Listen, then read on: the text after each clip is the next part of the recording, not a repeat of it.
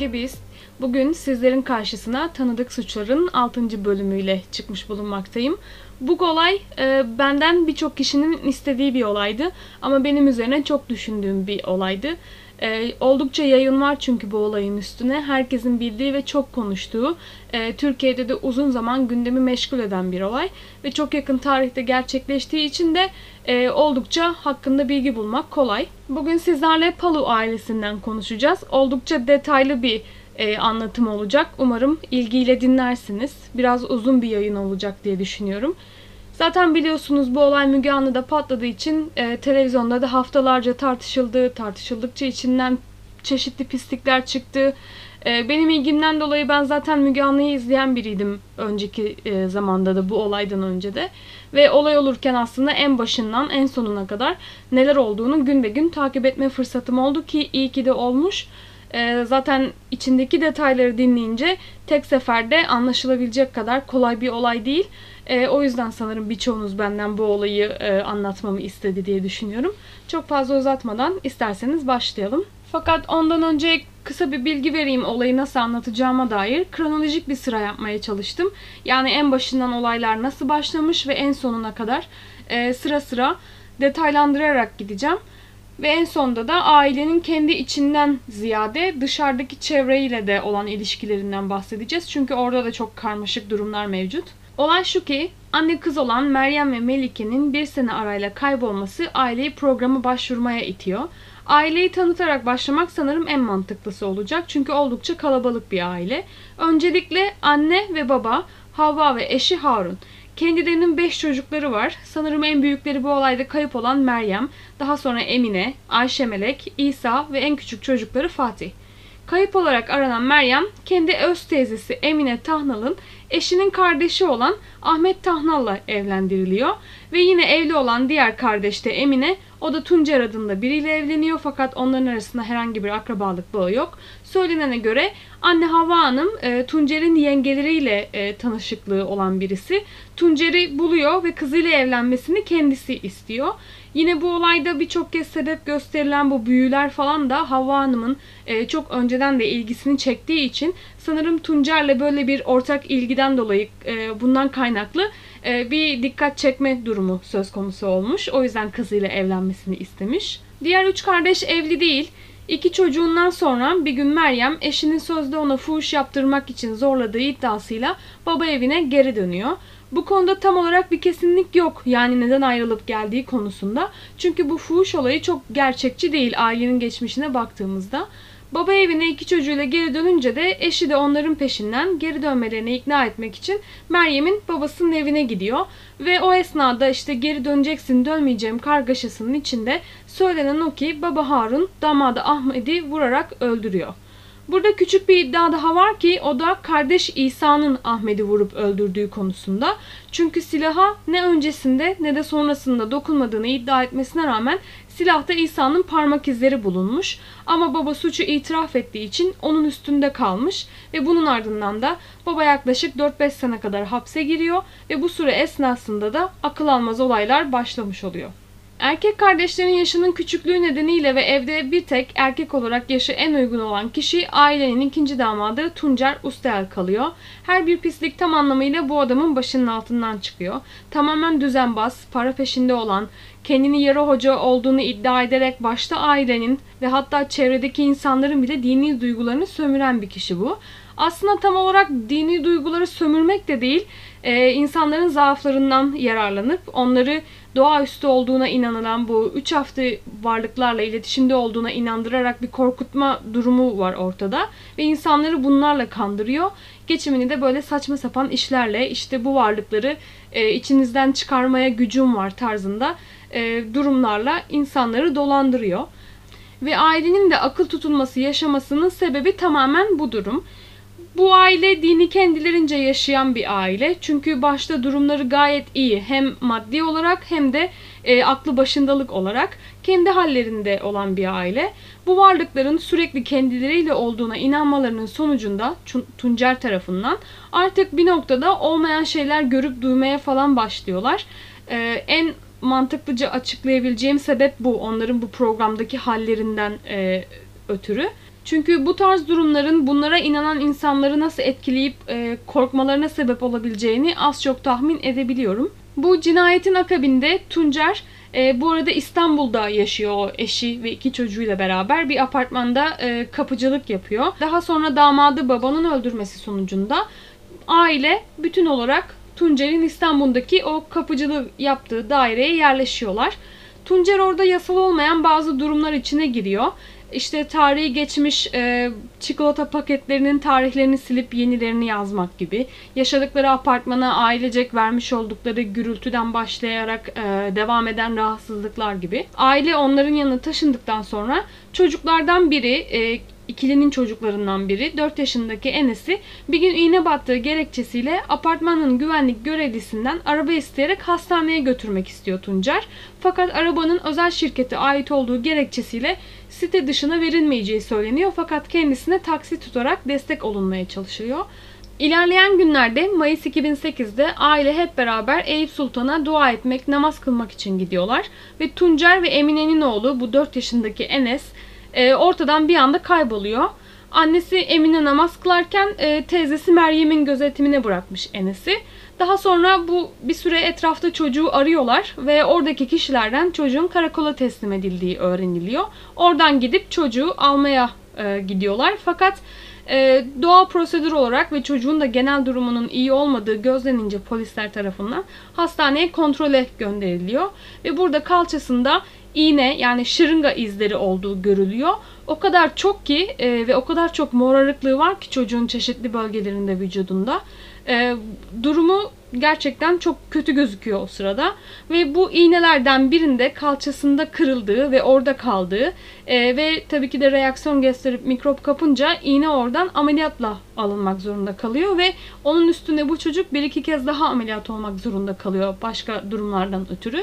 Ve üstüne üstlük e, bu erkek çocuğunda cinsel istismara uğradığına dair de bulgular gözüküyor. Hem de birden fazla kez.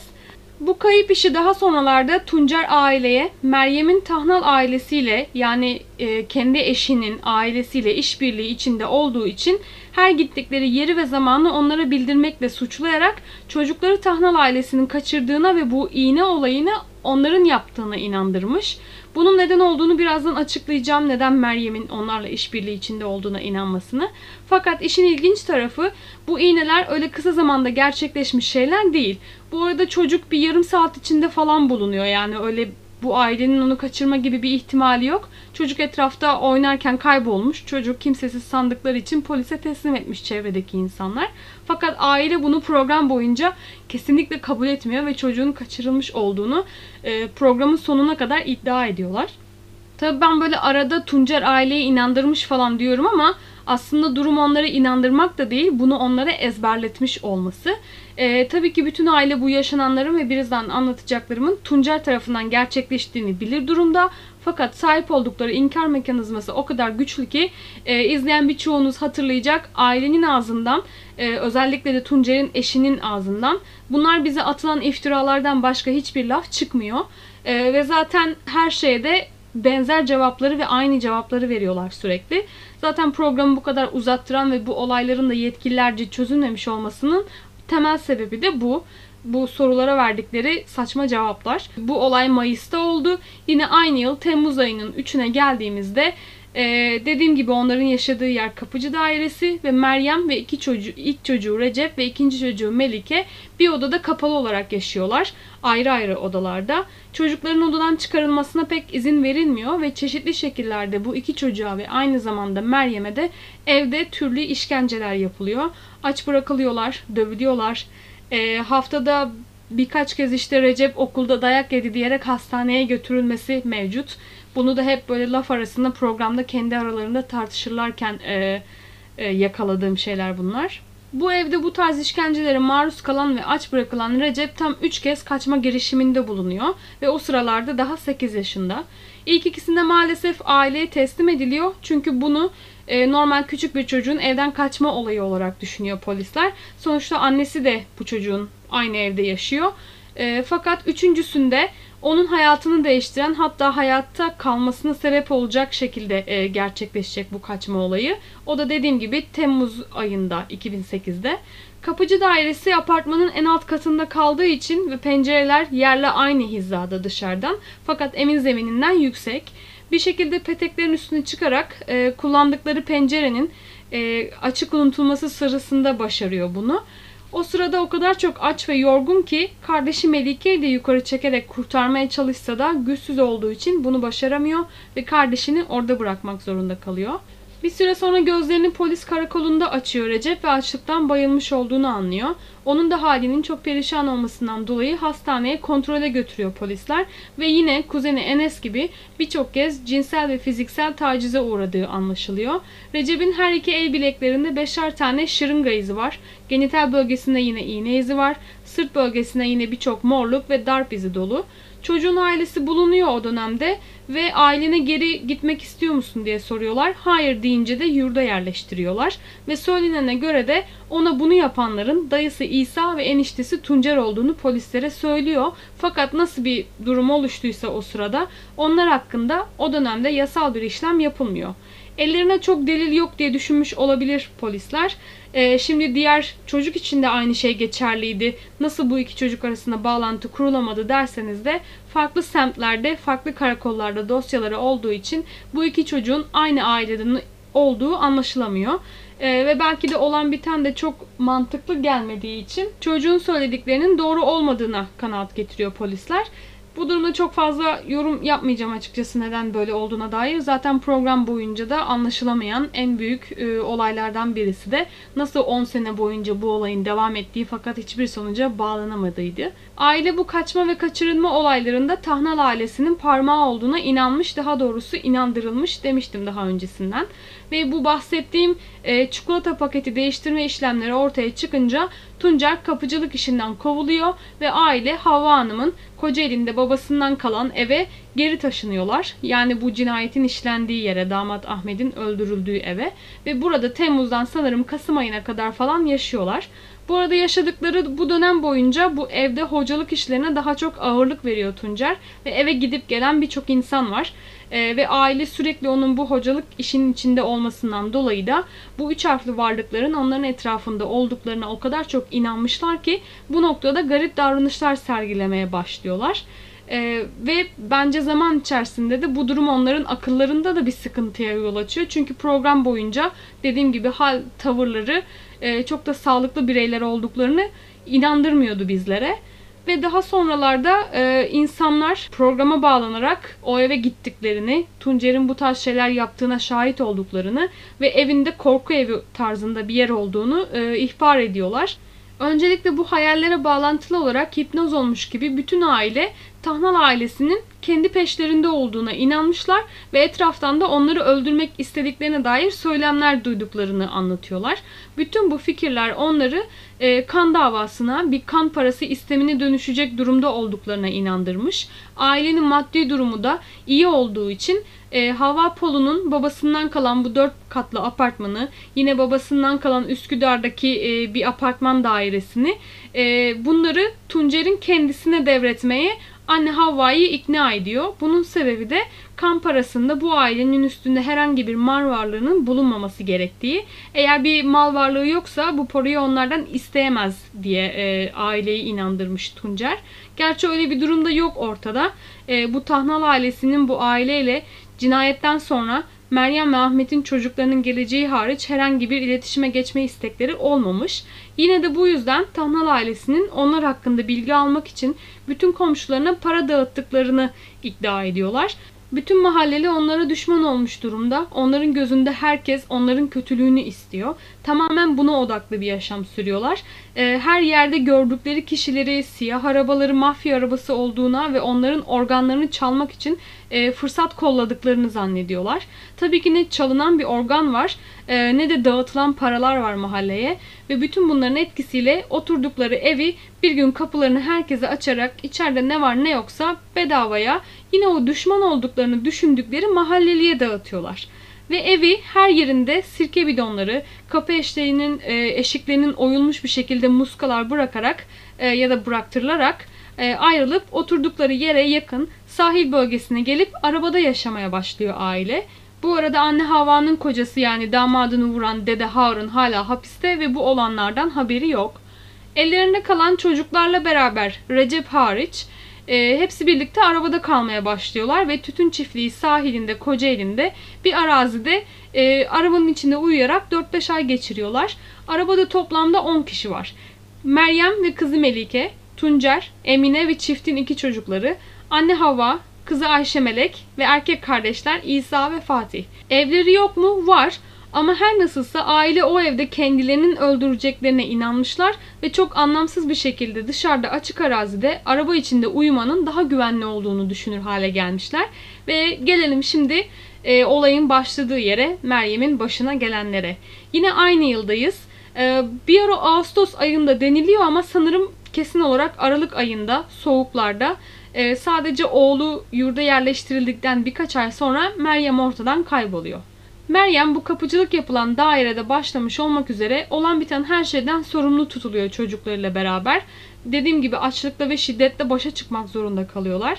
Çünkü öncelikle Tuncer Meryem'e bankadan bir kredi çektiriyor. Bu İstanbul'da e, kapıcı dairesinde kaldıkları sürede ve bu parayla bir iş kuracağını söylüyor.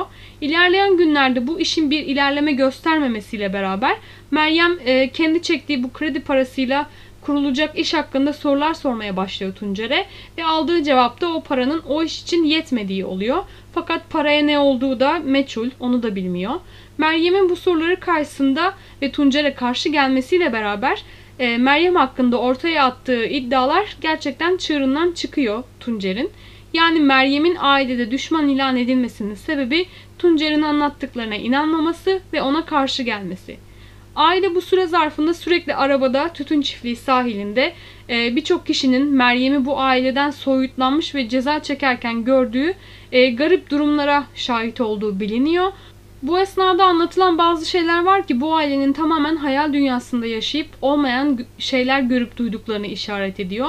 Şimdi ben bunu yazıyı dökerken olaylar çok karışık anlatıldığı için ana hatlarıyla yazıyorum. Sonrasında yeri geldiğinde bunların detaylarını da vereceğim. Olay biraz karışık ve uzun. Benim için de uzun bir çalışma olacak dediğim gibi. Umarım çok karışık gelmez sizlere. Meryem'in kaybı bu dönemde gerçekleşiyor. Bu tütün çiftliğinde arabada kaldıkları süre içinde. Bu çevrede dediğim gibi Meryem'i sürekli bir şeyler yüzünden cezalandırılır halde gören insanlar var. O bölgede yaşayan bir adam Meryem'i ağaca bağlanmış şekilde görüyor. Yüzünde çeşitli büyüklüklerde morluklar var. Aynı kardeşi Emine'nin programdaki e, hali gibi. Meryem'in ağaca bağlanması bütün ailenin gözünün önünde oluyor fakat hiç kimse bu konuda hiçbir şey yapmıyor. Sanki Meryem orada yokmuş gibi davranıyorlar. Ve Meryem'in neden o halde olduğunu soran e, kişiye de Tuncer onun cezalı olduğunu söylüyor. Daha sonradan öğreniyoruz ki bu cezalı durumlarında olmasının sebebi de Tahnal ailesine onlardan kaçarken kendi yerlerini ihbar ettiği gerekçesi. Fakat asıl sebep dediğim gibi Tuncer'in yüzünü, e, gerçek yüzünü ilk gören kişilerden biri olması Meryem'in ve ondan aldığı paraları geri istemesi, ona çok da itaat etmemesi. Bu görgü tanığı onlara eğer Meryem'i ağaçtan çözmezlerse polisi arayacağını söyleyerek e, o an için Meryem'i kurtarıyor. Tuncer onu oradan çözüp yine şiddetle beraber e, arabaya götürüyor ve kapıyı kapatıyor. Bu arada bu olaya şahit olan kişi ailenin kaçmış olduğu evdeki kiracıları. E, bu kiracının gördüğü şey ise arabanın içinde küçük bir piknik tüpünün yandığı ve büyük ihtimalle ondan çıkan gazla beraber içeride olan anne ve diğer kızlarının da kendinden geçmiş halde oldukları. Fakat aynı gün e, akşamüstü Tuncer ve kardeş İsa bu kişinin kapısına gidiyorlar. Yani kendi ev sahibi olduğu apartmana gidiyorlar ve oradan balta kürek alıyorlar. Dışarıda yaşadıkları için ısınmak e, üzerine odun kesmek istediklerini söyleyerek yapıyorlar bunu. Ve ertesi günde bu alet edevatı e, yıkanmış ve temizlenmiş bir şekilde apartmana geri getiriyorlar. O sırada bu durum şüpheli gelse de e, çok üstüne durmuyor kiracıları ve sonraki günlerde de Meryem hakkında kayıp ihbarında bulunuyor aile ve sonradan ortaya çıkıyor ki Tuncer Meryem'in ölen eşi Ahmet'in devlet güvencesinde çalıştığı bir işi var. Onun ölümünün ardından eşi ve çocuklarına bağlanan maaşı da çok ince düşünülmüş detaylarla önce anne Havva Hanım'a ondan sonra da onun aracılığıyla Tuncer'in eline e, geçiyor bu maaş. Bunu öğreniyoruz. Ve bu ailenin programa başvurmasının sebebi olan Meryem'in kaybı onların anlattığına göre şu şekilde gerçekleşmiş. Meryem gecenin bir yarısı tuvalet ihtiyacını gidermek için arabadan çıkıyor ve bir daha geri dönmüyor. İnandıkları şey Meryem'in Tahnal ailesinin mafyaları tarafından kaçırıldığı ve akıbetinin ne olduğunun bilinmemesi. O kadar çok inanmışlar ki e, o gün çevrede gördükleri kişileri kendi dayıları ve teyzeleri olduğunu iddia ediyorlar. Ve Meryem'in kaybolduğu gün onları sahilde görmüşler. E, her gittikleri yere geliyormuş bu aile. Sürekli peşlerinde onları öldürmek için dolaşıyor. Fakat ne hikmetse e, işbirlikçisi, onların işbirlikçisi olan Meryem hariç bu aileden hiç kimsenin başına hiçbir şey gelmiyor. Şimdi diyeceksiniz ki aile zaten Meryem'in bu Tahnal ailesiyle işbirliği içinde olduğu için e, yani dost olduğunu düşünüyorlar. Neden bu aile Meryem'i kaçırsın? Bunlara cevap olarak da Tahnal ailesi ve onların organ mafyalarının işlediği diğer cinayetlerden Meryem'in haberinin olduğu iddia edilmesi ve bu cinayetleri Meryem ortaya çıkarmasın diye artık onunla işi bittiği için e, bu Tahnal ailesinin Meryem'i ortadan kaldırdıklarını düşünüyorlar. Fakat asıl olan Meryem'in bu aç kalma, ağaca bağlama ve gördüğü şiddetten ötürü hayatını kaybetmiş olduğu.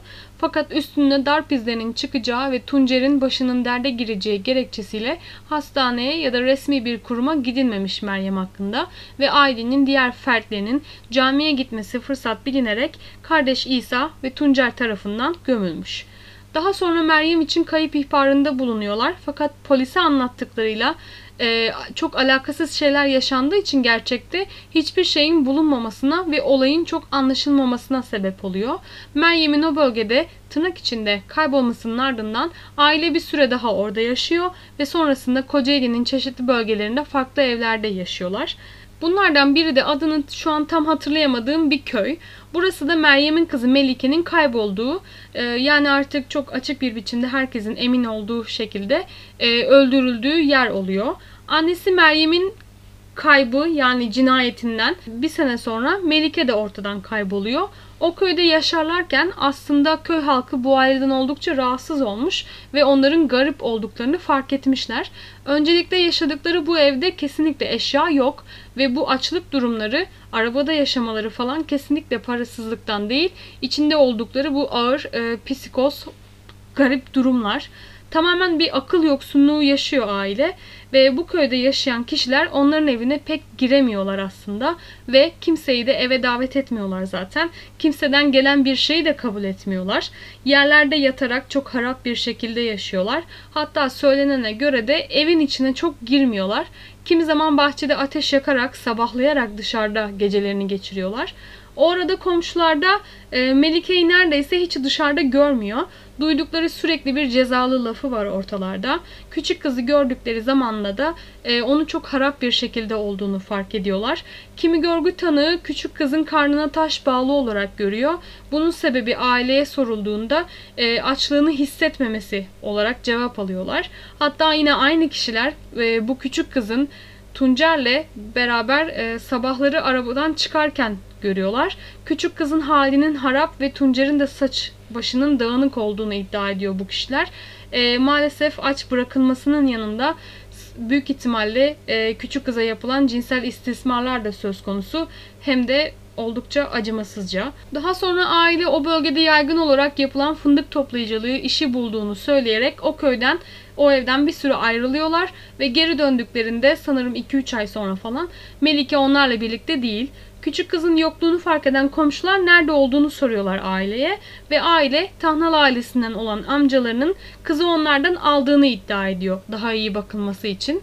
Yani yine o düşman olduklarını düşündükleri ve kendilerini öldürmek için her yerde onları takip eden Tahnal ailesine torununu teslim etmiş aile. Fakat aslında gerçekleşen durum e, bu küçük kızın içine üç harflilerin musallat olduğuna inanmış aile ve bu uğurda küçük kıza çeşitli şiddet ve işkencelerde bulunmuşlar ve tabii ki de her şey yine bu Tuncer'in başının altından çıkıyor. Bu inandıkları şey doğrultusunda küçük kıza önce fiziksel şiddette bulunarak karnına atılan tekmelerden ve dayaktan bahsediyorlar.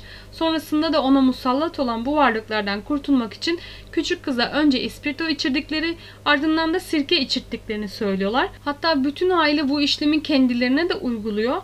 Fakat Melike'nin küçük bedeni bu saçmalığa ve işkenceye daha fazla dayanamadığı için e, hayatını kaybediyor. Aile bunu o içtikleri şeylerin etkisinden çıktıktan sonra yani bayılmalarına sebep olduğu için ayıldıktan sonra e, küçük kızın kusmaya başladığını sonrasında da daha fazla dayanamayıp öldüğünü söylüyorlar. E, bu söyledikleri durumlar da polislere zaman içerisinde değiştirmiş olduğu ifadelerden öğreniyoruz bunları. Birazdan açıklayacağım onun da nasıl olduğunu.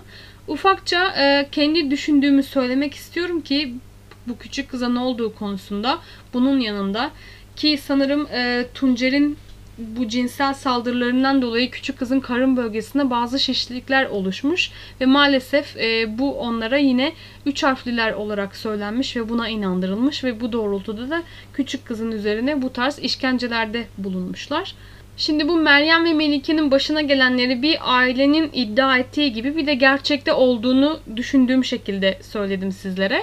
E, bunun sebebi de aslında yine ailenin vermiş olduğu ifadelerden kaynaklanıyor. Yani gerçekleri biz yine ailenin ağzından öğreniyoruz. Bunun sebebi de e, öncelikle tarihler konusu çok karışık olduğu için anladığım kadarıyla 2011 yılında aile Meryem'in kaybının ardından verdikleri ifadeleri değiştirmek için polise gidiyorlar. Bunun olmasını sağlayan kişi de damadını öldüren Harun Bey. Hapisten çıktıktan sonra ailesinin artık eski evlerinde kalmadığı için bir süre onları arıyor ve bulduğunda da eşi Havva'nın ona gerçekten Meryem ve Melike'ye ne olduğunu anlattığını söyleyerek polise başvuruyor ve ifade veriyor.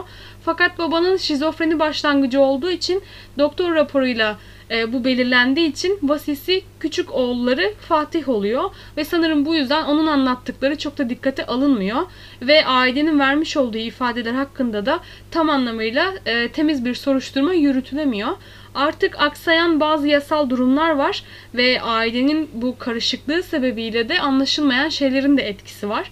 Şimdi bütün bu olayları fark ettiyseniz dediğim gibi bir gerçekte olan e, bir de ailenin ilk verdiği ifadelere göre anlattım. Çünkü en temiz özet bu şekilde çıktı. Gerçekte olanlarda bu değişen ifadelerden yine ailenin ağzından alınan bilgiler dediğim gibi. Şimdi gelelim bu ifade değişikliği olayının aile açısından neden ve nasıl olduğuna.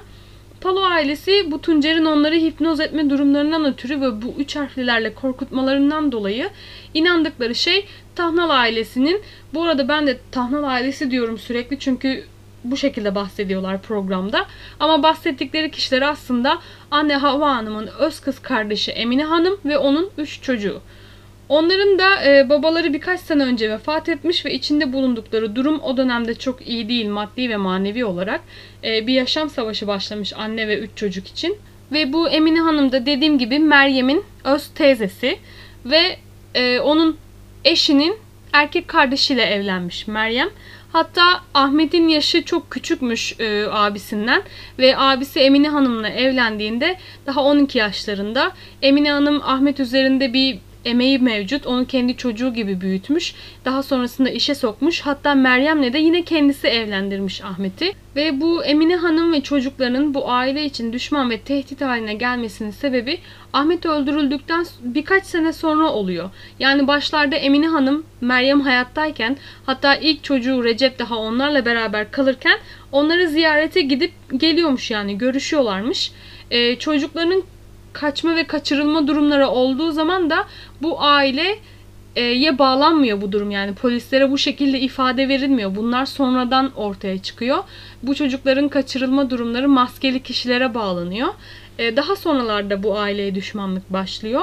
Bunun sebebi de daha önce dediğim gibi kim Tuncer'i dinlemiyor ve onun dediklerine inanmıyorsa bu aile için düşman haline geliyor. Bir gün Emine Hanım'ın evi aranıyor. Aranan arayan kişi de Meryem'in kardeşi İsa. Telefonu açan Emine Hanım'ın kızı telefonda kendilerine dadanan üç harfliler olduğunu söyleyerek, e, onlara büyü yapıldığını söyleyerek kızı korkutuyor ve kız telefonda bayılacak hale geliyor. Daha sonrasında telefonu alan Emine Hanım'ı ikna etmeye çalışıyor İsa. Fakat o da pek inanmıyor bu anlatılanlara ve e, eğer onlara evlerinden çıkmazlarsa, e, satmak için Tuncer'e vermezlerse öleceklerini, kaza geçirileceklerini, işte evdeki beyaz eşyaların patlayacağını falan ikna etmeye çalışıyorlar. Fakat Emine Hanım kesinlikle bunlara inanmıyor ve söylediklerini yapmıyor, kabul etmiyorlar. Fakat dışarıda buluşmak için anlaşıyorlar. Çünkü oldukça endişelenmiş bir durumda kendi kız kardeşi ve e, yeğenleri için. Ve bütün aileyle buluştuğunda onların durumunun korkunç olduğunu görüyor. Hepsi kendinden geçmiş bir şekilde asla ne dediklerini bilmeden başka bir alemdeymiş gibi hareket ediyorlar, konuşuyorlar, davranıyorlar. Ee, onlara da bir, orada da bir ikna süreci oluyor Emine Hanım'ın üstünde fakat başarılı olamıyorlar. Emine Hanım o sırada e, Meryem'in oğlunun etrafına döne döne işte teyze öleceksiniz bizle gelin yoksa sizi kurtaramayız dediğine de şahit oluyor. Fakat daha sonrasında Emine Hanım her ne kadar korksa da Ahmet'in çocukları işin içinde olduğundan dolayı e, onların evlerine de ziyarete gitmeye karar veriyor. Gittiğinde önce bir 20 dakika falan İsa tarafından izin çıkmadığı gerekçesiyle evin içine alınmıyor. Sonrasında oturduklarında e, yanlarında götürdüğü meyvelerin yenmesine izin verilmiyor. Bir süre sonra e, izin verdiler denilerek meyveler getiriliyor fakat kimse onlara dokunmuyor. Çocuklarla konuşan Emine Hanım küçük kız Melike'nin teyze beni buradan götür diyerek e, arkasından ağladığına da şahit oluyor. Fakat o sırada elinden bir şey gelmiyor çocuklara oradan kurtarmak adına. Evin hali de içler acısı. Sıvaları dökülmüş, yer yer duvarlarda oyuklar var. Sirke şişesi var etrafta. Ve sonrasında taşındıkları evlerde olduğu gibi aslında bu durum. Fakat Emine Hanım ne ikna oluyor dediğim gibi ne de çocukları oradan götürülebiliyor. Hatta kendi aklı sağlam bir şekilde oradan çıktığı için de kendini şanslı hissediyor. Onlardan e, yani Emine Hanım'dan evlerini çalma işlemi gerçek olmadığı için bu düşmanlık süreci bu sefer bu aile için başlıyor ve sonrasında da aile tamamen teyzelerinin e, kendilerini izlettiğini, takip ettiğini, Meryem'in onlarla işbirliği içinde olduğunu, e, mahalleliye onlara büyü yaptırmak adına para dağıttıklarını, Tuncer ve onun eşi Emine'nin çocuklarının onlar tarafından kaçırıldığı, yine bu iğneleri batırdıklarını, e, Meryem'in oğlu e, Recep'in yine onların kaçırdığını, organ mafyaları olduğunu, e, hatta en sonda Melike'yi de onlara teslim ettiklerine dair türlü türlü saçmalıklara inandırılıyor aile. Sürekli bunları tekrar ediyorlar. Ve yine birçok e, bu ailenin dışında kalan kişilerin de katili olmakla suçluyorlar Tahnal ailesini. Öyle ki Emine Hanım'ın kendi eşini ve kendi annesini de yine organ mafyalarına vermek için öldürttüğünü bile söylüyorlar. E, bunu da en agresif bir şekilde iddia eden ve savunan da yine Tuncer Ustel. Bu ifade değişikliği olayını anlatacaktım ailenin neden ifade değiştirdiğine dair. Fakat o kadar çok şey oluyor ki arada düzenli bir şekilde anlatmak isterken uzuyor her bir madde. Bu süreçte dediğim gibi e, kendilerinin takip ettiğine inanan e, Havva Hanım Meryem ve Melike'nin kaybından sonra kız kardeşini bir pazar yerinde gördüğünü iddia ederek kendisini tehdit ettiğini ve polise giderek eğer Meryem ve Melike'nin kayıplarından damadı Tuncer'i suçlamazsa bütün çocuklarını öldürteceğini söylediği iddiasıyla polise giderek tam anlamıyla kurgu olamayacak bir düzeyde e, olan biten her şeyi damadı Tuncer'in üzerinden anlatarak aslında bir bakıma itiraf ediyor. Sanırım babanın da biraz aklı başında olması o dönemde. E, hem de içtikleri artık nasıl bir madde varsa yani Tuncer onlara ne veriyorsa o etkisini kaybetmiş olmalı ki akılları bir süreliğine yerine geliyor. Ee, ve gidip anlatıyorlar bunu babanın da desteğiyle beraber. Fakat dediğim gibi Havva Hanım'ın e, bunu gerçekleri anlatmak olarak değil de bir tehdit altında kaldığı için yaptığını iddia ediyor sürekli ve daha sonra bu ifadelerini de yalanlıyorlar programda. Ben öyle bir şey söylemedim ya da işte bunu da bu ısrar ettiği için, bu beni tehdit ettiği için söyledim diye anlatıyor. E, fakat bu ikinci verilen bu değiştirilen ifadelerin aslında gerçekte olanları anlatıldığına birçok kişi de ikna olmuş durumda program boyunca. Ve bu ifade değişikliğini sadece Havva Hanım tehdit edildiği için tırnak içinde sadece o yapmıyor. Bütün aile İsa ve Emine hariç e, gidip benzer şeyleri anlatıyorlar. Küçük kardeş Fatih ablasının nasıl kaybolduğunu anlatıyor. Bir yatsı namazına camiye gittiği sırada e, o günün dönüşünde ablasının artık ortada olmadığını fark ettiğini söylüyor. Yani öyle gece 2 gibi tuvalete gittiği sırada e, kaybolmasının gerçek olmadığını ifade ediyor. Diğer yandan da kız kardeş Ayşe Melek yeğeni Melike'nin ölümünü anlatıyor. O da dediğim gibi Tuncer'in karnının tekmelediğini, ispirto ve sirke içirdikten sonra kusar, e, kusarak öldüğünü, sonrasında annesinin e, o küçük bedeni yıkayıp beyaz bir örtüyle sarıp sarmalayıp o dönemde yaşadıkları köyün 3 kilometre ilerisinde bir ormanlık alanda e, bir nehir kenarında ağaç altına gömdüklerinin e, detayını vererek anlatıyor her şeyi. Hatta bu kapsamda yer gösterme bile yapılıyor polisler tarafından. E, fakat herhangi bir ceset bulamıyorlar o gösterdiği bölgede. Çok anlatıyorum sanki bitmiyor, hiç bitmiyor. Olayın neresinde olduğunu bile bilmiyorum şu anda açıkçası. Size de açıklayıcı geliyor mu? Bunlar mantıklı geliyor mu? E, ya da güzel anlatabiliyor muyum? Onu da bilmiyorum. Çünkü kelimeler sürekli birbirine karışıyor. Bu olayı dediğim gibi o zaman da olurken takip ettiğime de gerçekten çok seviniyorum. Ee, ilk seferde anlaşılacak gibi bir şey değil çünkü. Umarım benim anlatımımdan sizler eğer ilk sefer dinliyorsanız anlayabilirsiniz. Ee, çünkü bilmiyorum kaç kez hem özetlerini hem de programı baştan sona e, dinledim yazarken.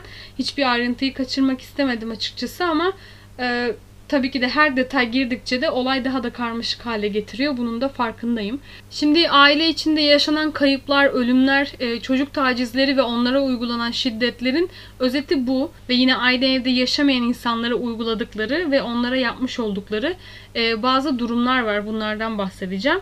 Bu arada aile kimlere neler yapmış, kimlerle iletişimde onu da hayret edeceğinizi düşünüyorum. Araya gireceğim birkaç bilgide öncelikle kardeş Ayşe Melek, anne Havva, İsa ve enişte Tuncay'ın hapse girdikleri bir dönem var. Daha doğrusu hapis cezası aldıkları bir dönem var. 5 sene kadar ceza yemişler fakat anne Havva Hanım 6 ay kadar yatmış ve bu hapis durumu için anne Havva programda yalan söylüyor. Ben hiç hapse girmedim diyor fakat ufak bir araştırmadan sonra e, sadece birkaç ay önce hapisten çıktığı anlaşılıyor. Daha sonrasında kendisi de e, ben o kısmı unuttum falan diyerek geçiştirmeye çalışıyor. E, bunun sebebi yani hapis cezası almalarının sebebi de e, kendi halalarına uyguladıkları şiddet. Bu da Ahmet'in cinayetinden yani baba Harun'un hapse girdiği zamanın başında oluyor. E, aile babayı hapiste ziyaret etmek için onun kız kardeşi olan halaları Gülbahar Hanım'ı ziyarete gidiyorlar. E, anlayamadığım bir şekilde e, kendisinden yalancı şahitlik yapmasını istiyorlar. E, sanırım baba Harun'u dışarı çıkarmak için. E, fakat bu şahitlik baba her şeyi itiraf etmişken ne işe yarayacaktı da ve onu dışarı çıkartacaktı. Onu tam anlamıyla anlayamadım. E, zaten sonrasında ana sebebin bu olmadığı da anlaşılıyor. Sebep e, anne Havva Hanım'ın ortaya attığı bir iddia. Şöyle ki anne Havva Hanım e, hala Gülbahar'ın kendisini arayarak onun kız kardeşi yani bu düşman oldukları Tahnal ailesinin telefon numarasını istemesini iddia etmesi. Bu ikilinin onlara karşı birleşeceklerini düşünüyorlar. Ee, ve onları durdurmak için Gülbahar'ın evine gidiyorlar ve ona şiddet uyguluyorlar e, bu yalancı şahitlik durumunu kabul etmeyen halaya biber gazıyla e, müdahale ediyorlar. Ona şiddet göstererek saldırıyorlar. Tuncer halanın sırtına bastırıyor. İsa da yüzüne biber gazı sıkıyor. Ee, anne Hava ve kızı Ayşe Melek bu sırada sadece bu durumu izliyorlar. Ve anne Hava Hanım e, halanın öldürülmemesi konusunda bu oğlu ve e, damadını uyarıyor. Halaya bazı senetler imzalatıyorlar zorla bu şiddet esnasında. Büyük ihtimalle daha sonra bu senetlerde e, halanın evinin de elinden almak istemelerinden dolayı yapılmış. Fakat halanın şikayet etmesi sebebiyle de dördü çeşitli zamanlarda hapse giriyor. Fakat onlar sürekli bir inkar halindeler. Ee, sürekli doğrusunu karşı tarafın söylemesini bekliyorlar.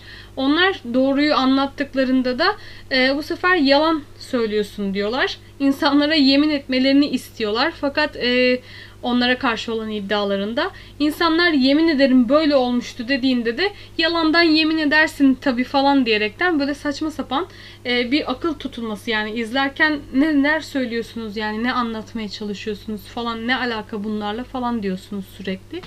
Alakasız bir şekilde bu bağladıkları anlattıkları şeyler de zaten tamamen o an konuşulan konuyu dağıtmakla alakalı. Her seferinde yeni bir iddia, yeni bir saçmalık havada uçuşuyor e, yalan söylüyorlar yani bunu açıkça görebiliyorsunuz zaten izlerken o konuşmalarından bunu anlayabiliyorsunuz. Çünkü bazı kalıpları var.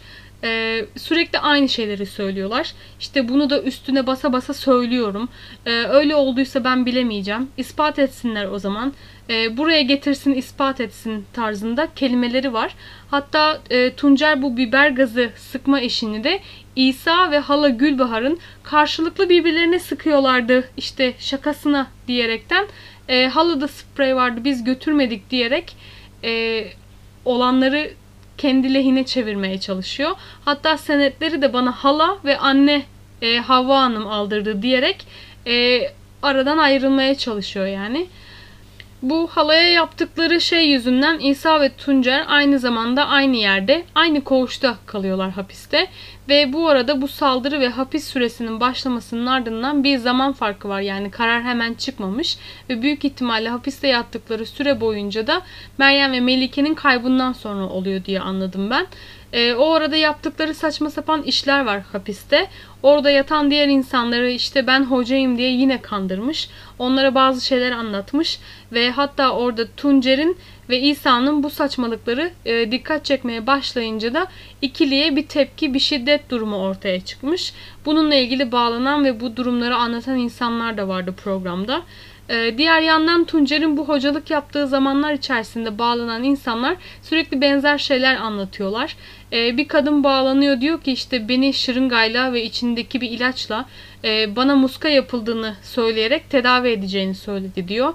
E, bu şırınga iğne olayı çok konuşuldu program boyunca. Çünkü çocukların üzerinde çıkan o darp izlerinde de ve eşi Emine'nin ellerinde de yine bu benzerler bu izlerle uyuşur şekilde e, bazı yaralar olduğu fark edildi. E, Tuncer'in şırıngayla çocukları korkuttuğunu gören insanlar var ve yine onun arabasına şırınga olduğunu iddia eden insanlar var. E, bunları da sanırım bu üç harfli olduğuna inandıkları varlıkları insanların içinden çıkarmak için kullanılmasının söylenmesi. Ee, bir diğeri bağlanıyor işte benim içindeki içimdeki sıkıntı için gittim. Benden şu kadar para istedi. Şu muskayı yazdı. yazdı. Ee, bunu okumamı istedi ve sonradan öğrendim ki aslında bende panik atak varmış. Hiç bu durumlarla alakası yokmuş. Ee, diğer bir kadın bağlanıyor ve diyor ki işte dört katlı evlerinde e, Tuncer'i hoca diye ziyaret etmiş. Ailesinden kayıp biri varmış onun yerini öğrenmek istediği için. E, Tuncer gözlerini kapatmasını istemiş ve açtığında da bu varlıkları etrafta göreceğini ve korkmamasını e, için kadını uyarmış. Fakat kadın o durumda böyle bir şey kaldıramayacağını söyleyip çok korkup o evden kaçarcasına uzaklaşmış. Ve yine aynı kadın evin arka tarafında kalan odalarından da da e, çeşitli sesler geldiğini, korkunç sesler geldiğini iddia ediyor. Sanki birileri acı çekercesine, e, birilerini işkence edercesine e, bazı acı sesler duyduğunu söylüyor. Birkaç olay daha var hatta anlatılan bu olaylarla bağlantılı olarak. İşte Bursa'ya gidip bu işi yaptığını söyleyenler bile oldu programda. Bütün bölümleri e, tekrar tekrar uzun uzun izleyip her şeyi detaylandırmaya çalıştım ama kaçırdıklarım vardır herhalde arada. Büyük ihtimalle e, ama ana hatlar bu şekilde. Ve bunlar olurken hepsinin iddia ettiği ortak bir nokta var ki o da Tuncer'in o zamanlarda sakallı olduğu. Şimdi bu olaylarla ilgili olarak benim çok ilginç gördüğüm başka bir durum da anne Havva Hanım'ın durumuyla ilgili. Babasına karşı aşırı bir saygısı var bu kadının ve Tuncer'den uzak bir şekilde ikili görüşmesi için e, bir ayarlama yapmaya çalışıyorlar programda. Ve Havva Hanım'ı Üsküdar'da oturan babasının evine götürmek istiyorlar. Arabaya bindiğinde nereye gittiğinden haberi yok. Yolda ona söylediklerinde e, kadının şekli şemali değişiyor ve o eve kesinlikle gitmek istemediğini, babasıyla bir sorunu olmadığını ama o eve giremeyeceğini, e, babasının büyülü olduğunu, eğer babamın evine gidersem o inandıkları varlıkların onu sonrasında çok rahatsız edeceklerini, etrafını saracağını, e, kendisini uyutmayacağını falan anlatıyor. Ee, babasının yakınına bile gittiğinde babasındaki büyülerin ona geçeceğine inanıyor kadın. Ve eve vardıklarında önce arabadan inmiyor. Sonra da yan apartmanın korkuluklarına tutunarak e, onu o eve sokmaya çalışan insanlara mani oluyor. Benim gördüğümde en çok etkilendiğim görüntülerden biri de buydu. Yani o kadının gözündeki korku ve buna e, delicesine, körü körüne bağlanmış olduğu bu fikre, bu fikrin gerçek olduğuna inanması beni çok etkilemişti. Çevredeki insanlar e, Havva Hanım'a nasıl bu kadar akılsız olabilirsin, seni kandırmış Tuncer, e, bunlarda büyü falan yok deseler de kadın hiçbir şekilde ikna olacak gibi değil. O kadar çok korkmuş, o kadar çok inanmış ki bu anlattıklarının gerçek olduğuna. E, sonrasında babasının evine değil ama giriş katında ona kalması gereken fakat e, Tuncer'e devrettiği için onun elinden çıkan apartman dairesine girmeye ikna oluyor. Orada bile ben şimdi hep rahatsız olacağım diyerek korkuyla oturuyor. E, bu arada bu apartman dairesini Tuncer'den geri isteyen Havva Hanım'ın babası da işlem yapmak için Tuncer'le tapuya gittiklerinde e, çünkü bu evi geri vermeyi çok kolay bir şekilde ikna olmuştu Tuncer. Fakat anlaşılıyor ki e, Tuncer'in borçları yüzünden evde tam 18 kez ipotek koydurulmuş ve icrada olduğu ortaya çıkıyor. Adında kurulan sahte şirketler varmış Tuncer'in. E, kendisi kurmamış, başkası yapmış ama borçları ona kalmış. Eğer inanırsanız bu da başka bir ayrıntı. Farkındayım hala devam ediyorum. E, bu aileyle yani Tuncer'le ilgili anlatılanlar bitmiyor. E, bu kısımda da biraz Tuncer'in evlenmeden önceki zamanlarına gideceğiz. Biraz daha geçmişe. 99 depreminden sonra 2000'li yılların başında e, Tuncer'in babasıyla ilgili ablası hakkında ortaya atılan bazı iddialar oluyor programda. Tuncer'in ablasının mahallede onların evine ekmek teslim eden e, ve babanın bir arkadaşının 15 yaşındaki oğluyla daha o yaştayken evlendiriliyorlar bu iki çocuk. E, sonrasında kızın psikolojik sorunları olduğu ortaya çıkıyor ve aile bunları yine büyülere bağlıyor ve o büyülerin çıkması için e, hep beraber Erzurum'da bir yere gidiyorlar ve o sırada e, bu evlendirilen yani 15 yaşındaki çocuğu olan aile bu Tuncer'in ailesinin onlara yalan söylediğini fark ediyor. Daha sonrasında bir çocukları dünyaya geliyor. Fakat durumların değişmemesi üzerine daha bu çocuk yaşta evlendirilen çift boşanıyor. Tuncer'in ablası ve o çocuk. E, ve ortaya çıkıyor ki aslında zamanında Tuncer'in babası bu evlilik için yüklü miktarda para almış bu aileden. İşte sözde mahallede kızımın adı çıktı diyerek e, sözde bir namus, namus davasına dönüştürmüş olayı. Sonrasında e, Tuncer'in kız kardeşi yeniden evleniyor ve o adamın bir önceki eşinden iki kızı var. E, ve bu kızların defalarca Tuncer'den şiddet gördüğü iddiası atılıyor ortaya. Ee, kızlar da bunu kabul ediyor programda arada bir bağlanıyorlar. Ee, Tuncer hakkında yine şikayetler olmuş bu kızlar hakkında. Ee, ablasının evde olmadığı zamanlarda e, kızlar üzerinde bazı e, şiddet durumları, e, sigara söndürmesi gibi durumlar söz konusu. Cinsel istismar da sanırım Tuncer tarafından e, gerçekleşmiş fakat bu konu hakkında çok fazla konuşmamaya dikkat ediyorlar. E, ve bir de Tuncer'de ablasının evine gidip gelirken bir komşuyla yaşadıkları bir zehirlendi, kahvesine ilaç attı, bayılttı olayı var. O da şimdi bu Meryem'le ilgili anlatılan e, ve belki de en çarpıcı olarak ve aynı zamanda da en saçma iddialı da örtüşecek. Bu iddiada şöyle ki 2008 yılında Meryem'in kayıp olduğu ihbar edildikten sonra polise verdikleri ifadelerde Tuncer ve Emine'nin e, ablaları Meryem'in kapıcı dairesinde yaşadıkları zaman içerisinde Tahnal ailesiyle işbirliği içerisinde olduğu süre boyunca e, Meryem'in bu aileye uyuşturucu madde verdiğini iddia ediyorlar. Yemeklerine kattığı ve e, kendilerinin uyutulduğunu fakat yine sebebi yok bunun. Yani neden böyle bir şey yapsın? Neden yemeklerine ilaç atsın, uyutulsun? Ee, herhangi bir organ çalınmıyor, ailenin parası çalınmıyor, öldürülmüyorlar. Ve sadece saçmalık olsun diye Meryem bunları bayıltıyormuş. Ee, sonra kız kardeşi Emine ve Ayşe Meleği o hallerinde e, erkeklere satıyormuş. Ve bu halde olan Tuncer'e de Meryem defalarca kez tecavüz etmiş. Meryem Tuncer'e tecavüz etmiş. Bunu da o anlarda anlamayan Tuncer daha sonrasında bunu Meryem'in oğlu Recep'ten öğrenmiş. Yani 8 yaşındaki çocuk annesinin eniştesine tecavüz ettiğini anlatıyor ve kendisinin de bu şekilde haberi olduğunu iddia ediyor Tuncer. E, bu saçmalıkların sebebi de bu dönemde Meryem'in cesedinin bulunabileceğinden e, ya da Havva Hanım ve kardeşlerin e, bir şeyler itiraf edeceğinden korktuğu için Tuncer bu yaptıkları yani aslında kendisinin Meryem'e tecavüzün ortaya çıkmasından korktuğu için karşı iddialarda önceden bulunup e, bakın ben size bu ortaya çıkmadan önce zaten bunu söylemiştim demek için bu tarz ifadeler veriyor. Hatta öylesine detaylı ve iyi düşünülmüş ki Meryem öldürülmeden önce Tuncer sözde Meryem'in ağzından e, savcılığa verilmek üzere bir dilekçe yazıp altına Meryem'in imzasını attırmış. Aynı karı kocanın Meryem'in kaybından sonra polise verdikleri ifadeleri destekler şekilde yazılmış bu dilekçe. İşte ben ölen eşimin tarafıyla işbirliği yaptım. Onlar bana uyuşturucu ilaç, uyarıcı haplar veriyordu ve ben hem kendi üstümde hem de yanında kaldığım ailem üstünde onları kullanıyordum. Ben onları uyuttum, onlardan menfaat sağladım. Eşimin ailesi ve ben organ mafyasıyla işbirliği yapıyorduk. Gariban insanları tenhalarda kıstırıp öldürüp böbreklerinin kalbini çalıyorduk. Satış yapan insanlara veriyorduk. Ee, neresinden uydurmuş bunları gerçekten çok hayret edici. Her şeyi en ince detayına kadar planladığını da yaptıkları saçmalığın yanında kendini aklayabilmek için de ne kadar zeki olabileceğini gösteren hamleler bunlar. Hatta öyle ki Meryem'e yazdırdığı o dilekçede daha doğrusu kendisinin yazıp Meryem'in altına imza attırdığı o dilekçede birini öldürüp organlarını alıp bedenini çöpe attılar. Ee, onlar bana sahip çıktı diye onlara düşman oldular. Yani Tuncer ve kendi ailesinden bahsediyor. Çocuklarını e, bana Eyüp Sultan'da kaçırtırdılar. Sonra ben vazgeçmek isteyince bu kişiler beni kaçırdı. 10 gün bir yerde gözleri kapalı kaldım. Ailemi suçlamamı istediler. Ve sonra ben oradan kaçmayı başardığımda da e, dağ tepe aşarak otostop çekerek ailemin yanına sığındım. Oğlumu da onlar kaçırdı.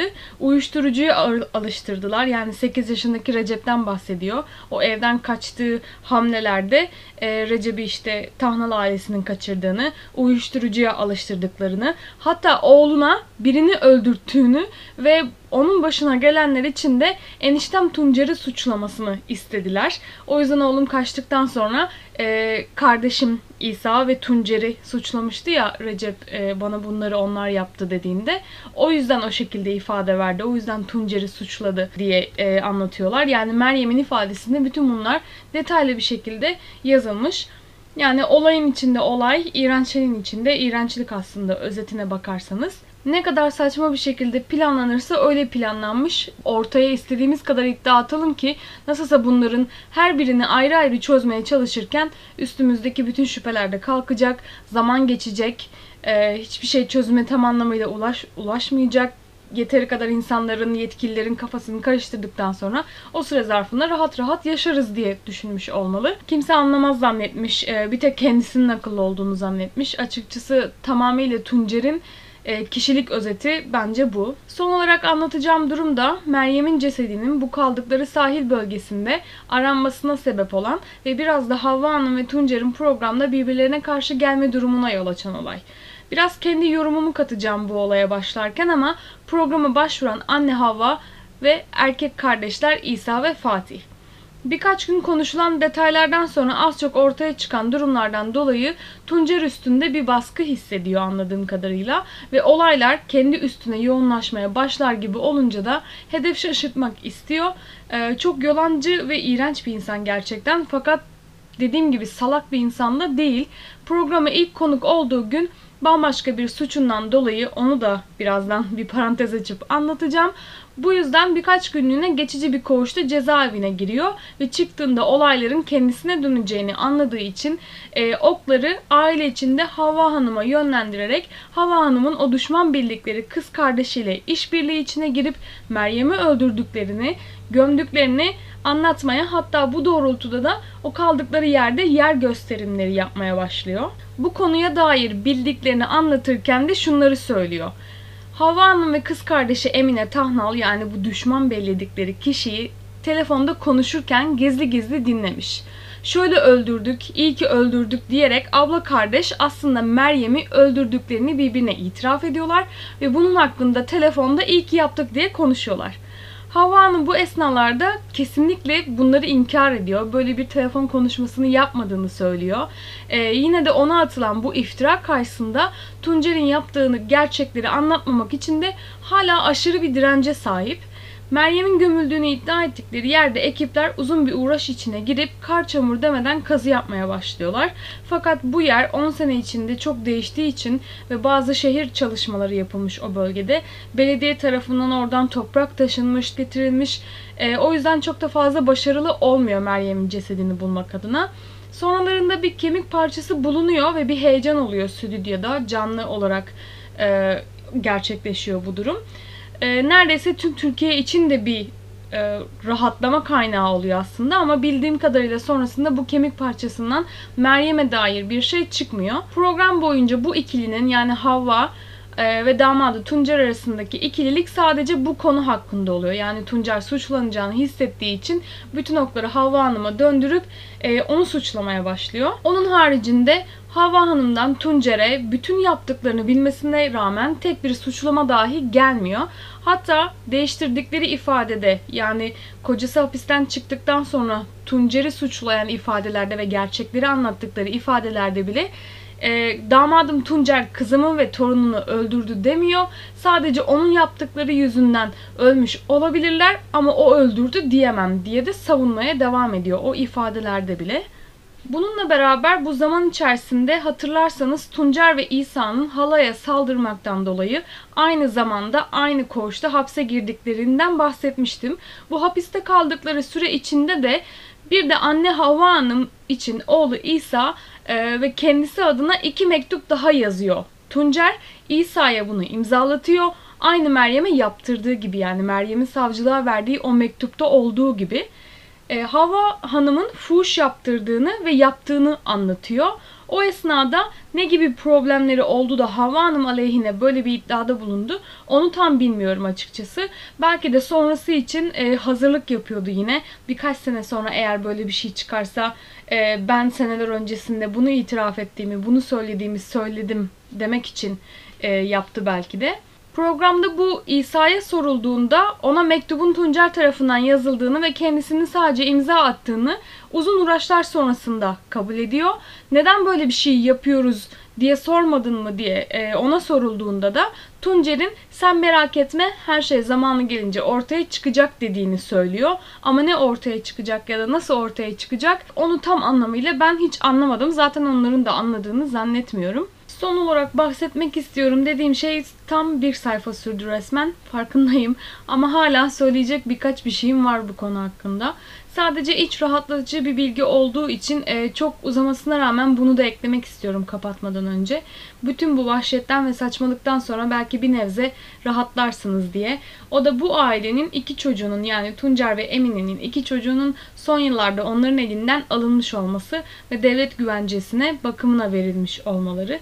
Tabii ki de hiçbir çocuğun anne babası varken sosyal kurumlarda büyümesi e, çok da istenilen bir durum değil ama eğer anne baba onlara karşı sorumluluklarını yerine getirilmiyorsa en iyisi en azından e, haklarını savunabileceği ve onlara iyi davranıldığını bildiğimiz, düşündüğümüz, hissettiğimiz yerlerde büyümeleri en güzeli diye düşünüyorum. Son zamanlarda yaşadıkları yerde yine çeşitli rahatsızlıklara sebep olmuşlar. Her gittikleri yerde dikkat çekiyorlar çünkü ve bu çocukların durumları da bir kontrol sırasında ortaya çıkıyor. Bu da orada yaşayan mahallenin bu çocuklara şiddet uygulandığına şahit olmaları yüzünden polisi arayıp şikayet etmeleri sayesinde gerçekleşiyor bu koruma kararı çocuklar üstünde. E, mahallenin bu dikkati ve sağduyusu sayesinde çocuklar önce kontrol için alınıyorlar ve yıllar sonra bile durumlarının hiç değişmediği aslında anlaşılıyor ve çocuklar aileden alınıp yurda yerleştiriliyor. Söylenene göre yurda yerleştirilen çocuklar uzun süre odalarından çıkmamışlar. Ee, bizleri izliyorlar, bizleri takip ediyorlar diye sürekli dillerinde döndürdükleri bazı şeyler var. Bu sırada aileden alınmasını destekleyen bir rapor yazıldığı için bu çocuklar hakkında Sosyal hizmetlerde çalışan psikolog hanım Tuncer'in saldırısına uğruyor. Hakkında uzaklaştırma kararı çıkmasına rağmen tekrar bir saldırı oluyor. Ve Tuncer bu programa katıldığı ilk gün e, içeri alındığını söylemiştim hatırlarsanız. Geçici koğuşa konulmuştu. Birkaç gün orada kalmasının sebebi de bu uzaklaştırma kuralını ihlal ettiği için e, kalan suçundan dolayı oluyor. Bunu da bu şekilde bağlamış olayım. Ve ailenin bu durumu, özellikle çocukların durumu çok dikkat çektiği için bütün aile için sağlık tedbiri çıkartıyor devlet ve savcılıktan çağırıyorlar onları. Çünkü kendi rızalarıyla evden çıkıp hastaneye gitmek istemiyorlar. Savcılık kararına rağmen hala direndikleri için de neredeyse bir ordunun kapı önlerine gelmesine sebep olacak şekilde de olay çıkartıyorlar. Çevik kuvvet, özel harekat falan var çünkü kendi boğazlarına bıçak dayıyorlar. Tüpün yanına ateşle gelip kendimizi de patlatacağız, mahalleyi de patlatacağız diye tehdit ediyorlar. Ve belki 8-9 saat bu aile dışarı çıkıp hastaneye götürülmeleri için ikna edilmeye çalışılıyor. Hatta bu tehditten dolayı da bütün mahalle olası bir patlamaya karşı boşaltılıyor. O sırada Havva Hanım ve çocuklarının orada olup olmadığını emin değilim. Sanırım o sırada ayrı ayrı yaşıyorlar. Olayı çıkartanlar daha çok Tuncer ve eşi Emine. Ee, yani sürekli bu olay hakkında da bu da konuşulurken programda bunlar hep bize atılan iftiralar diye söylemesinin başlangıcı aslında bu olay oluyor Emine'nin. Uzun süre konuşulan ve programı bütün popüler akşam kuşağının arasından bile sıyırıp reytinglerde ikinci sıraya oturtturmasıyla beraber ve Türkiye'de bu olayı bilmeyen kalmaması sebebiyle devreye bakanlıklar dahi girerek aile hakkında anlatılan bütün e, her şeyi delil kabul edilmesiyle beraber adli süreç başlatılıyor onlar hakkında ve aile program sırasında önce Kocaeli'nde evinde olan Havva Hanım ve çocukları sonra da canlı yayında olan Tuncer ve eşi Emine gözaltına alınıyorlar ve sonrasında da uzun süren ifade alımları ve mahkemeler çerçevesinde de şu an hepsinin tutuklu yargılanmalarına ve çıkan kararlarda da uzun süre hapse girmelerine karar veriliyor. Bu arada küçük bir e, bilgi daha var. O da bu dört katlı apartmanda kiracıları olan ağaca bağlı olarak gören kiracının eşinin ver, polise verdiği ifadelerde Meryem'le konuştuklarında Meryem'in e, ona Tuncer'in kendisine tecavüz ettiğini, ağzıyla söylediğini anlatıyor polislere. Arabada yaşamaya başladıkları günlerin başında evden birkaç eşya almak için Tuncer ve Meryem eve geliyorlar. Ee, ve Meryem bu kadını eve çağırmış. Yani benim yanımda dur, yalnızken korkuyorum Tuncer'den diye. Kadın ona kapıyı açık bırakmasını, birazdan geleceğini söylemiş. Ve yukarı çıktığında kapı önünden Tuncer'in Meryem'e sizler bana çok ayak bağı oluyorsunuz. Seni de çocuklarını da öldüreceğim. Artık işimi bozuyorsunuz diye bağırıp çağırdığını duymuş. Aynı kadın yani Meryem'in Tuncer'in ona tecavüz ettiğini söylediği kadın bunları duyuyor.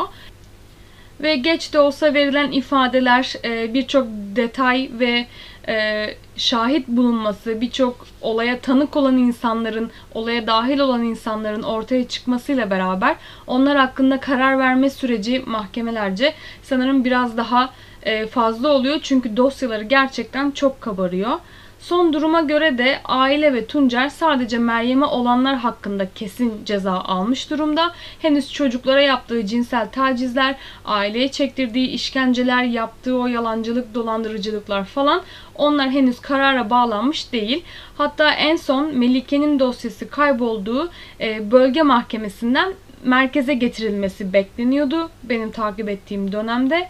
Sadece Meryem için Tuncer'in ağırlaştırılmış müebbet hapis cezası var ve bunlara canavarca hislerle eziyet çektirerek hürriyeti yoksun kılmaktan 4 yıl, kredi kartını kötüye kullanmaktan 3 yıl olmak üzere e, üstüne bir de ağırlaştırılmış müebbet artı 7 yıl hapis cezasına çarptırılıyor.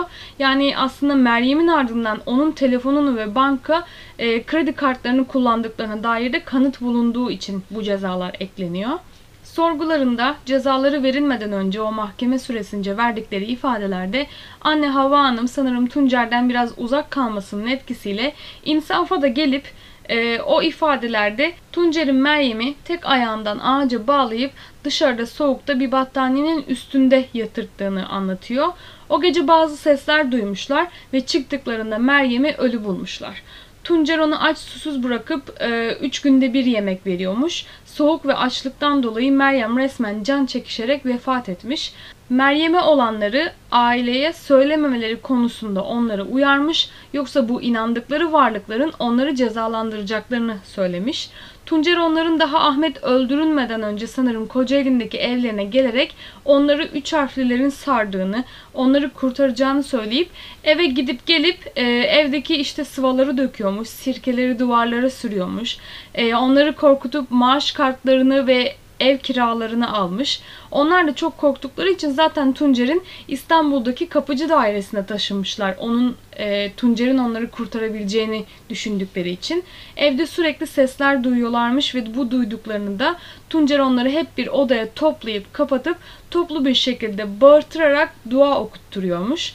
E, bu ifadeye kardeş İsa da katılmış annenin verdiği bu ifadeye ve Tuncer'in Meryem'i sopayla sırtına ve kafasına vurarak darp ettiğini de İsa eklemiş. Ve bu ailenin bu verdiği ifadelere ek olarak bunlar çok detaylı konuşulmuyor programda ama e, ortaya çıkıyor ki aslında Tuncer sadece Meryem ve çocuklara cinsel istismarda bulunmamış. Ayşe Melek ve anne Havva Hanım dahil bütün aile üyelerine cinsel istismarda bulunmuş. E, bunlar çok konuşulmadı dediğim gibi ama aralarda böyle konuşulan kelimeleri, cümleleri yakalamaya çalıştım bilgi toplamak adına. E, maalesef Tuncer'i bu kadar çok savunmalarının altında e, bütün bu yaşadıkları istismarlardan etkilenme sürecinin de olduğunu düşünüyorum. Fakat yine de bütün bu yaşananlar ve damadın bu kadar çok savunulması özellikle bir anne tarafından e, o kadar çok yardım eli uzatılmışken kendilerine sonuçta verilebilecek güvenceler vardı programda onlara karşı. E, insanlar çok yalvardı artık sen doğruyu söyle lütfen susma diye anneye. Buna rağmen Tuncer'i savunmaları tabii ki de kabul edilir gibi değil. Ve özellikle de Fatih tarafından. E, çünkü o çocuğun yaşının küçük olmasına rağmen içlerinde en aklı başında e, sakin duran kendisiydi. Sanki her an e, tamam yeter ben artık her şeyi söylüyorum diyecekmiş gibi bakıyordu yani. O derecede bir e, sakinlikte gözüküyordu ve aklı başındaymış gibi gözüküyordu. Fakat maalesef onun da e, hiçbir şekilde bir itirafı gerçekleşmedi. Ve bu arada bütün bu anne Havva, İsa e, bunların hepsi bütün bunları itiraf etmişken ifadelerini değiştirmişlerken eşi Emine hala kocası Tuncer'i savunuyordu. E, çünkü Tuncer'i bu mahkeme süresince hiç görmemişti. Verilen ifadelerde hiç karşılaşmamışlardı polis karakolunda. Ama Tuncer, İsa, Fatih ve anne Havva Hanım'ı, özel Ayşe Meleği de e, bu verilen ifadelerde gitgellerde görmüştü ve onlara e, ifaden onlara seslenerek e, ben her şeyi itiraf ettim dedikten sonra bu anne ve İsa'nın vermiş olduğu ifadelerde Tuncer'e karşı dönmüş oldu. Ama eşi Emine'yi hiç görmediği için e, Tuncer'in ben her şeyi itiraf ettim dediğini duymadığı için Emine hala körü körüne kocasını savunmaya devam ediyordu. En sonunda bu şekilde mi yoksa hala bunun farkında mı bilmiyorum. Çünkü e, bütün aile üyeleri ayrı ayrı koğuşlarda kalıyorlarmış. E, yani anne Havva, e, kızı Emine ve e, Ayşe Melek hepsi ayrı ayrı koğuştalar. Birbirlerini çok fazla görme imkanları olmuyormuş. Daha sonrasında Tuncer'in cezasının yanında Emine, Havva, İsa ve Ayşe Melek kasten öldürmeye yardım etme suçundan 12 yıl 6 ay hapse çarptırıyorlar. Bu kararlar sadece 6 ay öncesinde kesinleşiyor. E, programa 2019'un Ocak ayında katılmışlardı ve Şubat 2020 tarihinde bu kararlar alınıyor. O süre boyunca da zaten tutuklu yargılanıyorlar. Ayrıca Tuncer dışındaki 5 kişi kişiyi hürriyetinden yoksun bırakma suçundan da 1 yıl 8 ay ceza alıyorlar. Fakat bunlar pişmanlıklarını dile getirip e, o şekilde ifade verdikleri için e, erteleniyor. Ve en küçük erkek kardeş Fatih'e bu cinayet yani Meryem'in cinayeti işlendiğinde 18 yaşından küçük olduğu zaman diliminde işleniyor bu arada. Öncesinde 8 yıl 4 ay kadar bir ceza verilse de yaşı ve bu kararın alındığı süre boyuncaki tutukluluk halinden dolayı mahkeme e, boyuncaki tavrından dolayı da bu suçtan tahliye oluyor. Ve 10 sene sonra bile birçok kişiyi rahatlatacak kararlar çıkmış oluyor. Ama bunun devamı da gelecek. Çünkü diğer dosyalar e, açılmadı henüz aile hakkında. Yani daha çocuklara yapılan işkenceler dediğim gibi o dolandırıcılıklar özellikle de Melike'nin kaybı ve onun ölümü hakkında henüz cezalar onların listesine eklenmedi. Yani e, uzun zaman hatta ömür boyu kendi hayatları boyunca dışarı çıkamayacak kadar cezalar almış olacaklar. Evet sanırım bitti. Umarım bitmiştir. Umarım bilmediğimiz başka detaylar yoktur. Ee, umarım daha fazla şey çıkmaz bu olayın altından. Ee, zaten bütün artık konuşulan durumlar bittiği için daha fazla detay öğrenebileceğimizi zannetmiyorum ama umarım başka anlatılmayan sırlar kalmamıştır bu aile içerisinde ve umarım hak ettikleri cezayı her bir e, yaptıkları kötülük içinde çekiyorlardır. Umarım bunu düşünecek yeteri kadar vakitleri vardır ve vicdanları da onu bu süre boyunca o yattıkları yerde de rahat bırakmaz diye düşünüyorum. Çünkü çok da kolay sindirilebilir şeyler değil bunlar. Her ne kadar bizler e, Meryem'i tanımasak da, çocuğu Melike'yi hiç görmesek de önemli değil. Bunlar kadına, çocuğa, kızı erkeği olmadan fark etmeden işlenen bu suçlarda gerçekten vicdanı olan insanların sindirmesinin zor olduğu konular. Eminim bu konuyu daha önce bir yerlerden dinlediniz, belki programı takip ettiniz, belki başkalarının anlatımından tam olarak kavrayamadınız. Ee, umarım benim anlatımımı gayet açık ve detaylı bulmuşsunuzdur ve birçok şeyi eğer aklınızda soru işaretleri varsa e, silebilmişimdir bu olay hakkında. Benim için de gerçekten çok uğraş verdiğim, emek verdiğim e, bir bölüm oldu. E, zaten dinlemiştim ama aynı iğrençlikleri tekrardan dinlemek benim için de çok kolay olmadı. Ama yine de dediğim gibi emek verdiğim bir bölüm olduğu için sizlerin de desteğini görmek isterim. Instagram'da eğer takip etmiyorsanız takip ederseniz sayfamızı çok sevinirim. E, paylaştığım olaylarla ilgili fotoğrafları da beğenirseniz çok sevinirim. Bu etkileşimimizi artırır ve bizim daha büyük bir aile olmamıza da katkıda e, bulunur diye düşünüyorum. Lütfen yorumda bulunmaya da çekinmeyin. E, her birinizin orada desteğini görmek, dinlediğinizi bilmek, e, dediğim gibi burada tek başıma konuşuyormuşum gibi hissetmemenin en kolay yolu e, beğenilerinizi görmek, takip ettiğinizi görmek, yorum bıraktığınızı görmek, orada sizlerle karşılıklı diyaloglar içine girmek beni çok mutlu ediyor. Bunu her zaman söylüyorum. Lütfen desteğinizi esirgemeyin. Ee, çok teşekkür ederim dinlediğiniz için. Beklediğiniz için de yine çok teşekkür ediyorum. Elimden gelenin en iyisini yapmaya çalışıyorum. Bunun size garantisini veriyorum. Ee, çok fazla detaylardan bahsetmiyorum kendi hayatımda ne yaptığımla ilgili ama gerçekten bir emek vererek hazırlamaya çalışıyorum bütün bölümleri. Umarım hepsini hissediyorsunuzdur. Dinlediğiniz için çok teşekkür ediyorum. Ee, haftaya bir günlerde kesin bir gün vermeyeceğim ve kesin bir e, zaman da vermeyeceğim. Çünkü gözünüzde e, yalancı olmak da istemiyorum. Ama elimden gelenin en iyisini yaptığımı bilin. E, sizlerle buluşmak için en kısa zamanda tekrardan kayıt ortamını oluşturup sizlerle e, konuşacağım, sizlere anlatacağım. Kendinize çok dikkat edin. Tekrardan görüşmek üzere.